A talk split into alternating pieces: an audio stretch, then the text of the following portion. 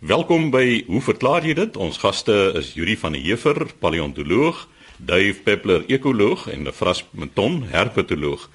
Eerste aan die woord, Yuri van der Heever. Yuri, 'n tydjie gelede het jy gesels oor klipwerktuie en nou het jy reaksie ontvang daarop. Chris Piet Elof het nogal klippe na die ateljee toe gebring en het ons 'n bietjie daaroor gepraat en natuurlik ook oor die baie bekende klippe wat die sanmense gebruik het wat min of meer lyk soos een van hierdie oliebolle wat 'n mens koop met die gat in die middel.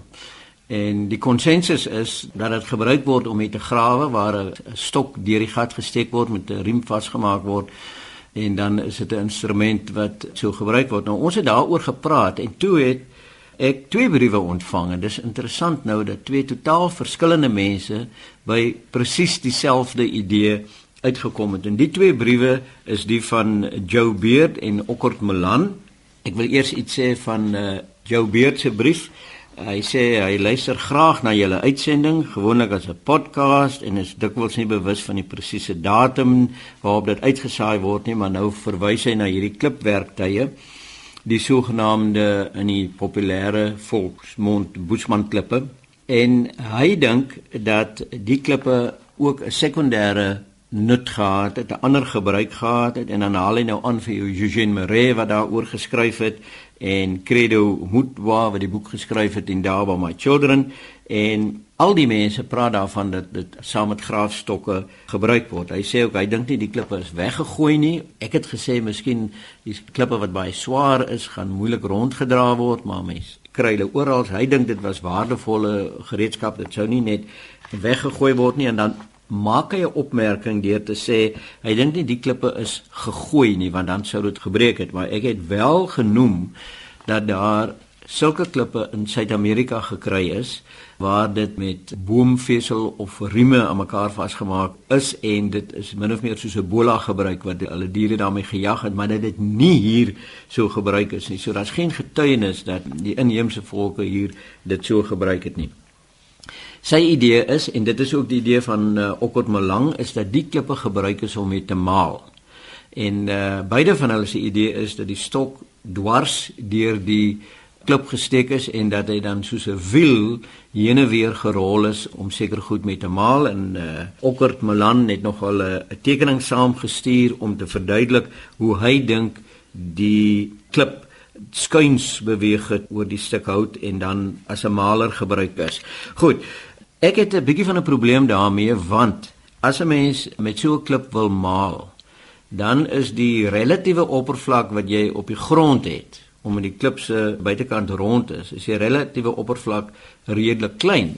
So dit sou eintlik myns insiens en ek weet nie makliker gewees het om doodgewoon die hele klip te gebruik en daarmee te skuur op 'n ander klip eerder as om net hierdie die rim, die buitekant van die velling van die wiel om dit so te sê te gebruik. So ek het toe oorspronklik met uh, eh, Dr. Janet Deacon gepraat daaroor en sy het min of meer saamgestem hieroor, maar sy is nou in Amerika. Toe kom ek by 'n ander persoon uit by die Suid-Afrikaanse Museum is Dr. Wendy Black. En ek het hierdie idees van julle twee aan haar gestel en sy sê sy voel nie gemaklik daarmee nie. Die rede is omdat daar fotografiese bewys is waar hierdie klippe gebruik word saam met graafsokke. Daar is foto baie ou fotos daarvan. Daar word in die onlangse tyd waargeneem dat hierdie klippe met die stok deur word in die dans tye gebruik van die san waar hulle in so 'n beswyming gaan terwyl hulle dans en dan word die sokke met die klip aan basies soos 'n hamer gebruik om mee tyd te hou.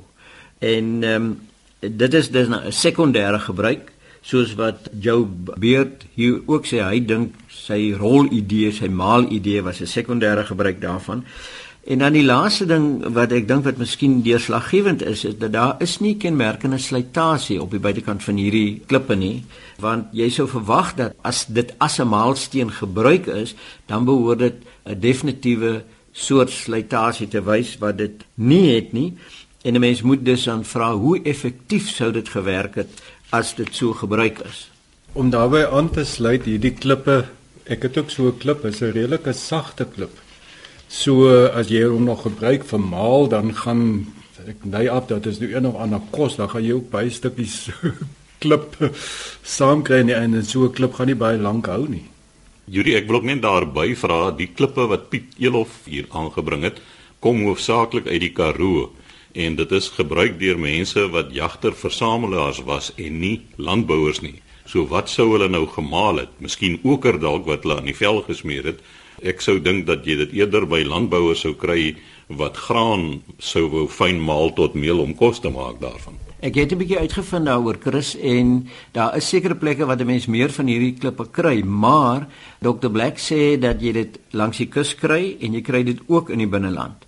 Nou ons weet dat die mense wat langs die kus gebly het, het byvoorbeeld geofiete, daai bolplante gebruik want dit was fantastiese voedsel gewees is hoog in stysel en dit bevat hier in die suidpunt van Afrika bevat dit 'n baie meer verteerbare stysel as op ander plekke. Ek sou dus dink dat 'n mens sou die bolplante fyn gemaak het om vir babas te voer, maar ek dink dit was nodig om dit te rol nie. Mense kan dit doodgewoon met 'n klip gekap het. Ek bedoel ons het sulke goed gedoen toe ons op skool was, het my kamermaat het biltong uit Suidwes uit gekry. Dis nog onder die ou kwarantyntye wat dit uitgesmokkel is en daai kudu biltong was so droog. Jy het hom oor die katel van die bed gebreek soos 'n stuk hout en dan jy hom doodgewoon fyn gestamp om dit te kan eet.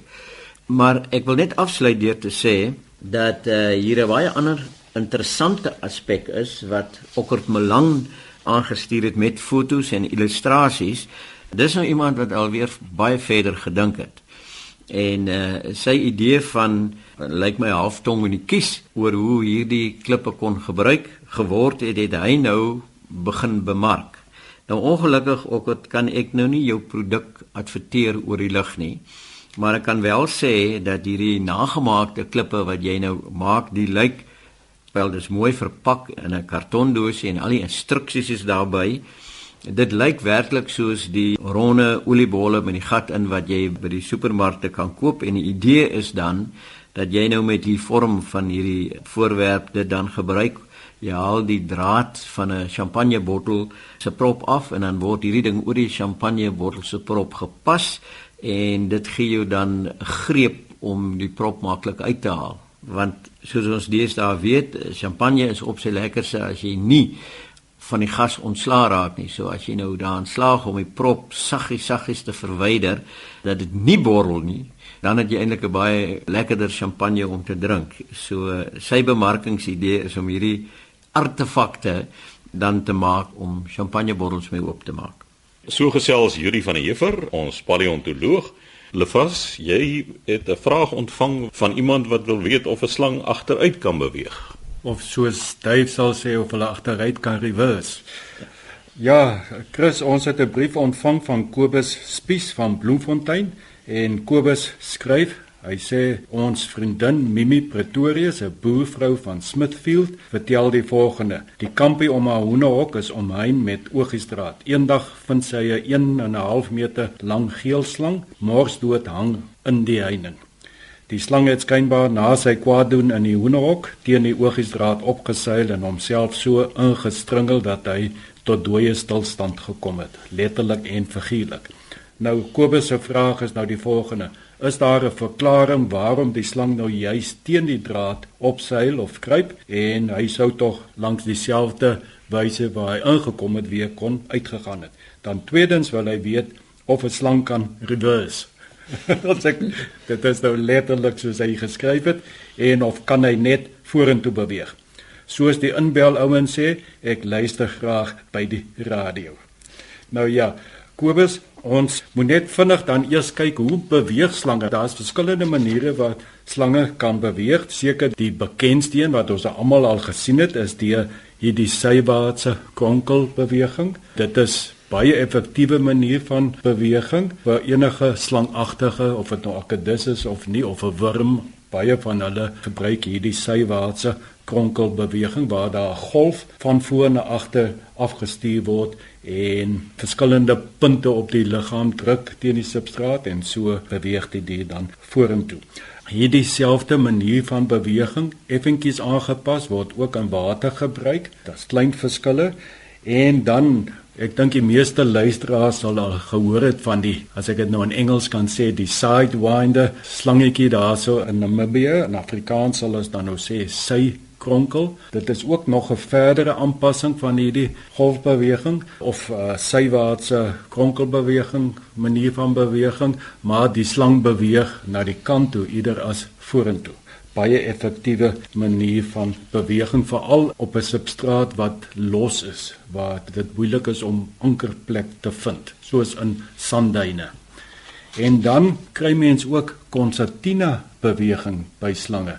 Dit is waar die slang byvoorbeeld sy kop kan vasdruk en dan die lyf res van sy lyf vorentoe trek dan weer die kop 'n bietjie verder vorentoe vasdruk en dan weer die lyf vorentoe trek. So dit is in 'n reguit lyn. Dit is 'n baie duur manier van beweging, omtrent 7 maal duurder in terme van energie wat gebruik word as nou hierdie sywaartse kronkelbeweging. Dan die van julle wat al slange so in 'n bos dopgehou het, dan sien jy maar die slang is stadig besig om te beweeg in 'n reguit lyn pofadders wat dik is, hulle doen dit baie. En dit is veral wanneer hulle iets sou bekruip, hulle beweeg in 'n reguit lyn, die lyf is heeltemal reguit en hulle is in staat om te beweeg. Dit is as mens nou 'n slang vang of na 'n dooie slang kyk wat doodgery is op die pad, sê jy sien onder op die maag is daar 'n ry groot skubbe. Hulle is baie breed en hierdie skubbe word gebruik. Hulle hak so buig vorentoe, hak vas en druk die slang vorentoe. So hulle gebruik daardie skubbe om te kan vorentoe beweeg. En Kobus wil weet of 'n slang kan agteruit beweeg. En hoekom sal 'n slang wil agteruit beweeg? Dit is wanneer hy in 'n nou gangetjie of in 'n tonnel sal wees. Andersins sal hy mos net omdraai. As dit wyd genoeg is, wat sal hy nou wil reverse? So maar in 'n tonnel sal dit nodig wees om agteruit te beweeg en mens kan sommer dadelik sien dat hierdie wat die penskubbe gebruik word, dit gaan nie werk nie, want hy skubbe kan ongelukkig Hulle is aan die voorkant vas, agterkant los, so hy sal net daardie reglynige beweging kan gebruik om vorentoe te beweeg en nie agtertoe nie.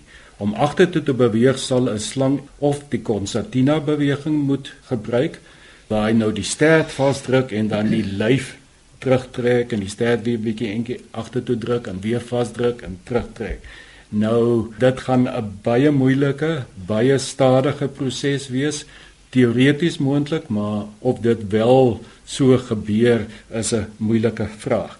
Daar's ook ander maniere wat slange beweeg. Ons kry slange wat kan sweef. Hulle sprei daardie ribbes uit sywaarts en hulle kan groot afstande sweef. En iets wat vir my ook baie interessant is omdat dit reg Suid-Afrikaanse slang is. Van julle sal al gehoor het van die dasadder. Nou ons weet dat die dasadder byvoorbeeld hy byt sy stert vas en dan kan hy soos 'n wiel rol. En dis wanneer mens nou weghardloop vir die dasadder moet jy altyd altyd probeer om opdraand te hardloop want as jy dan nou Ja, want dis hy kan nie opdraand rol nie. Op pad suig hy sommer die beeste se melk ook uit, né?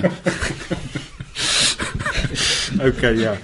Lefras, kan ek jou vra as jy nou 'n slang neem en jy sit hom in 'n glasbuis en jy sit die glasbuis regop neer, dan is die slang se bloedstelsel wat ontwikkel is om op horisontale vlak te werk, die bloeddruk en die hart, want dit is 'n reptiele hart, nie sterk genoeg om voortdurend bloed na die brein toe te pomp nie. En meeste slange verloor dan hulle bewussyn.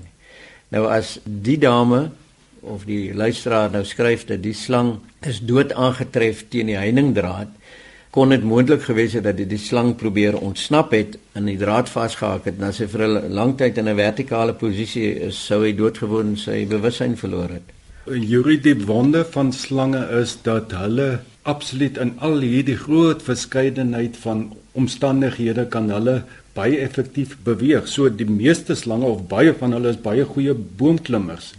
So ek dink nie dit is 'n feit en ons weet ook by werweldiere toe hulle op land gekom het, was dit nou maar een van die probleme die bloeddruk omdat bloed nou in 'n groot mate ook vertikaal moet beweeg. Nou slange het mos nou maar uit akedisse ontwikkel en ek dink daardie stelsels was al reeds in plek by slange. Ek dink dit is so 'n groot probleem nie. Maar net om dan terug te kom by die slang wat aan die draad vassit. Daar's nou bietjie min inligting wat verskaf is. Ons weet nie hoe die slang ingekom het of hy ook oor die draad geklim het nie en ons weet nie hoe groot die gate van die draad is. Oogiesdraad sou ek nou dink is die klein gaatjies wat mense vir 'n kanariehok of so sal gebruik, maar daar is ook baie ander tipes oogiesdraad wat redelik groter is. Hoekom het die slang nie op dieselfde plek uitgegaan as waar hy ingekom het nie? Ek dink nie 'n slang het baie groot brein nie. Is nie definitief nie soos 'n muisond of 'n muskaljaatkat of iets wat baie goed weet waar hulle gekom het en weer by dieselfde plek sal uitgaan nie. Ek dink die slang het probeer uitkom en dit is net teen die draad op en sy skubbe want draad is dun, dit is mens kan maklik sien dat hy vasgehak het en nou maar net nie kon loskom nie. So om op te som slange soos Yuri het net gesê van buise wat gebruik word deur uh, slanghandelaars of hanteerders. Hulle laat die slang in 'n nou buis inseil, dan sit die slang daar, dit stukkie stert steek nog uit en dan kan hulle die geslag bepaal of hulle kan inspuit of wat ook al. Jy moet net baie slim wees, daardie buis moet net dik genoeg wees as hy te wyd is, dan sou die slang kan omdraai en dan kom hy terug en hy jy mag dalk bietjie teespoed optel. So op te som baie moeilik vir 'n slang sou ek dink teoreties om te kan reverse. Daar's nog 'n ander komplikasie dat sekere slange het baie kort wervels, al die konstruktors se wervels is kort, hulle lywe is baie meer soepel, hulle sou makliker kon terugbeweeg. Ander slange, die vinnige slange het lang wervels, hulle is soos 'n stuk stywe draad, vir hulle sal dit besonder moeilik wees om agteruit te beweeg in 'n nou tonnel. Lefras daardie slanghanteerder as hy nou die buis net 'n bietjie te wyd gemaak het en die slang draai om, moet jy sien hoe vinnig reverse hy. Dit was dan Lefras Meton ons herpetoloog wat gesels het oor slange se trirad. Laaste aan die woord Dave Peppler ekoloog. Dave die titel van 'n speurverhaal Die verlore Afrika gryspapegaai. Chris, dit is beslis 'n speurverhaal. Die hele relaas is geskryf deur Wilma Robertson. Nou, dit gaan so, ek moet dit lees want dit is 'n dit is 'n boeiende verhaal. Sy sê haar storie begin in 2012 toe sy in Afrika gryspapegaai persent gekry het by haar dogter Ronel, want sy was eensaam na die dood van haar man. Ek kan nie aan 'n beter geselskap dink nie, letterlik. Robbie, dis nou die papegaai se naam, is bitter intelligent en mak maar hy was voorheen mishandel deur mense van Oudtshoorn. Ek hoop julle brand in 'n nare plek wat skoene na hom gegooi het en sy sê dit het haar lank geneem om die vloektaal af te leer wat Robbie by sy vorige eienaars bekom het. Sy sê hy het dit afgeleer en dank die Vader hy steeds daar net liefde. Nou Ronel die dogter kom kuier 2 tot 3 maal die week en Robbie is ontsaglik lief vir haar. Nou Papegaaie is of lief vir jou of hulle kan jou nie verdeel nie. Hulle byt jou aan flarde of hulle kom lê soos 'n makat by jou. Ek ken, ek het een gehad wat my nie kon verdeel nie. Sy sê die dogter werk 'n kilometer en 'n half verder, vallei af, dis gebroke wêreld, diep valleie naby die see, werk sy by 'n groot hotel in Mosselbaai. 4 weke gelede sê sy, het sy die hok effens van die stoep af binne toe getrek as gevolg van die warrel van die wind En toe sy buite kom, was die deurtjie oop. Sy sê wat haar nie ontstel het nie want Robbie stap 'n bietjie rond. Helaas, Robbie was weg. Sy het Ronel dadelik gebel, hulle die kloof gefynkamp voor die huis en sy sê hulle het niks gevind nie en sy het die nag deur gehuil. Die volgende oggend was daar 'n klop aan die deur met 'n verbaasde Ronel en gesê mamma kom kyk gou kartondoos vol gate. Robbie die papegaai het skielik die volgende oggend by die hotel sy verskyning gemaak. Die tuinier het binne gekom en gesê daar sit 'n verdwaalde papegaai en toe sy sê Robbie was daar 'n vurige omhelsing van Robbie of nee, papegaai kan jy omhels nie, maar was groot blydskap en daar het Robbie toe Ronel gevind, 'n kilometer en 'n half. Nou sy kyk na die omgewing vol muskiaatkatte ensovoorts en gedink hoe op aarde het Robbie dit reg gekry. Nou, ek weet nie hoe hy dit gedoen het nie, maar kom ons kyk na Robbie se geaardheid. Die Afrika gryspapegaai word beskou as een van die mees intelligente voëls op aarde. Hulle word intedeel vleiende primate genoem. By die dieretuin in Cincinnati is daar 'n papegaai wat nou 600 woorde magtig is en selfs begin het om sintaks te gebruik sodat dit nie net los woorde is nie maar dat hulle saamsnoer in 'n herkenbare sin met sintaks. Kan jy dit glo? Selfs die primate kan dit nie doen nie. Met ander woorde, hy sal sê uh, sê net maar hy's ook sy naam is ek Robbie. Robbie wants big yellow banana. Wonderbaarlike diere en ons weet almal dat hulle byna enigiets kan naboots dat hulle enige knippie kan oopmaak van 'n hokke. Jy moet hom eenmal wys en dan weet hy dit. Dan moet 'n mens kyk na die akkuïteit van sy oog dat voels het gewoonlik 'n fobia, 'n verdigting van ligstafies, hierdie hier sou beter wees agter in die oog, waar hulle byna deur die lens te beheer dan 'n beeld kan konsentreer en byna teleskopies na hom kyk, roofvoëls veral. Nou ek het in die verlede al gesien dat 'n breekop arend het naby my gesit in die Karoo Nasionale Park. Hy het tipiese jagbeweging uitgevoer, sy kop so op en af beweeg en skielik lynreg op 4 km af op 'n duiker afgevlieg hom afgeblaas soos 'n ballon wat hulle doen is die kloue is baie lank en druk dit reg deur die ribbekas in die longe en longe blaas af en van daar netjies 'n bout afgeknip en toe weggevlieg daarmee. Op 4 km het hy die duiker duidelik gesien. Nou Robbie gaan nie so ver sien nie maar ek dink dat 'n mens moet die akkuïteit van die oë van voëls nooit onderskat nie. Hulle kyk met 'n baie fyn oogie die kraaie veral kyk oor groot afstande Indien 'n mens kyk na die gedrag van seevoëls, die voedingsgedrag van seevoëls, jy kan hulle uitlok oor 15 km dat hulle letterlik 15 km verder sien waar die ander voedingsgedrag uitvoer en dit vorm dan as 'n locus waar almal gaan voed. Dieselfde geld uiteraard vir aasvoëls wat oor ontsaglike 20, 30 km hulle mede-aasvoëls sien wentel om 'n karkas. So Ek wil nie voorstel dat Robbie dalk vir Ronel gesien het oor 'n kilometer en 'n half nie. En ek dink hier is 'n element van geluk by dat hy in daardie rigting gevlieg het dalk of ek dink hy het gestap nie. Dit is bykans onmoontlik om te dink dat Robbie so ver sou kon geloop het. Alhoewel, jy weet 'n papegaai op spoed is 'n aardige ding, hoor hy, daai vreemde voetjies. Ek is nie verbaas dat hy al gekry het nie. My ondervinding van hierdie papegaaie is dat hulle merkwaardige diere is en werklik konseptueel planne maak. Nee, hulle maak planne. Wat ek wel kan sê is dat in my werk, eh, konsultasiewerk in Afrika, is dit vir my soms hartseer om in hulle tuisgebied in Uganda en Rwanda te staan en 'n trop van hierdie lieflike papegaaie vry te sien vlieg en dan te dink aan die voëls wat in die Karoo by 'n volstasie in sy hokkie sit en met daai geel oogie na die asval bosse kyk. Ek sê dit nie van Robbie nie, hy klink vir my gelukkig. Ek dink dis 'n kombinasie van uiterste intelligensie van 'n voël en toeval.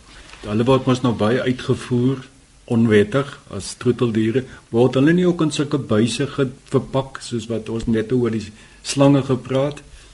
Weet ek sou dit nie doen nie want die riefpapegaaie word in klein sloopies in onderbroeke. Hemel as daai ding loskom, dan uh, is daar 'n ongevraagde besnydenis dink ek. Maar hoe dit ook al sê, mense gaan tot uiterste, jy weet, hulle doen die vreemdste goed om hierdie papegaaie te vervoer, veral in onderklere. Die idee is soos met die slawe skepe dat hulle is bereid om die helfte te verloor op pad. So hulle pak eenvoudig net meer in. Jy weet, dit is wat die slawe skepe gesê het, dat die skepe se name was gewoonlik the grace of God en dan het hulle gesê fooi tog jy weet hulle het so mooi stil op Sondag gebid maar dan is die helfte dood as hulle in Jamaica aangekom en dieselfde geld vir smokkelaars dat hulle bereid is om ek vermoedelik met akkedisse en skilpaadjies ook dat hulle op die mees barbaarse maniere versteek word met die wete dat die helfte sal vrek So sê Dave Peppler, ons ekoloog, daarmee het ons ook aan die einde van ons program gekom. Skryf gerus aan ons by hoe verklaar jy dit? Posbus 2551 Kaapstad 8000 of stuur 'n e-pos aan chris@rsg.co.za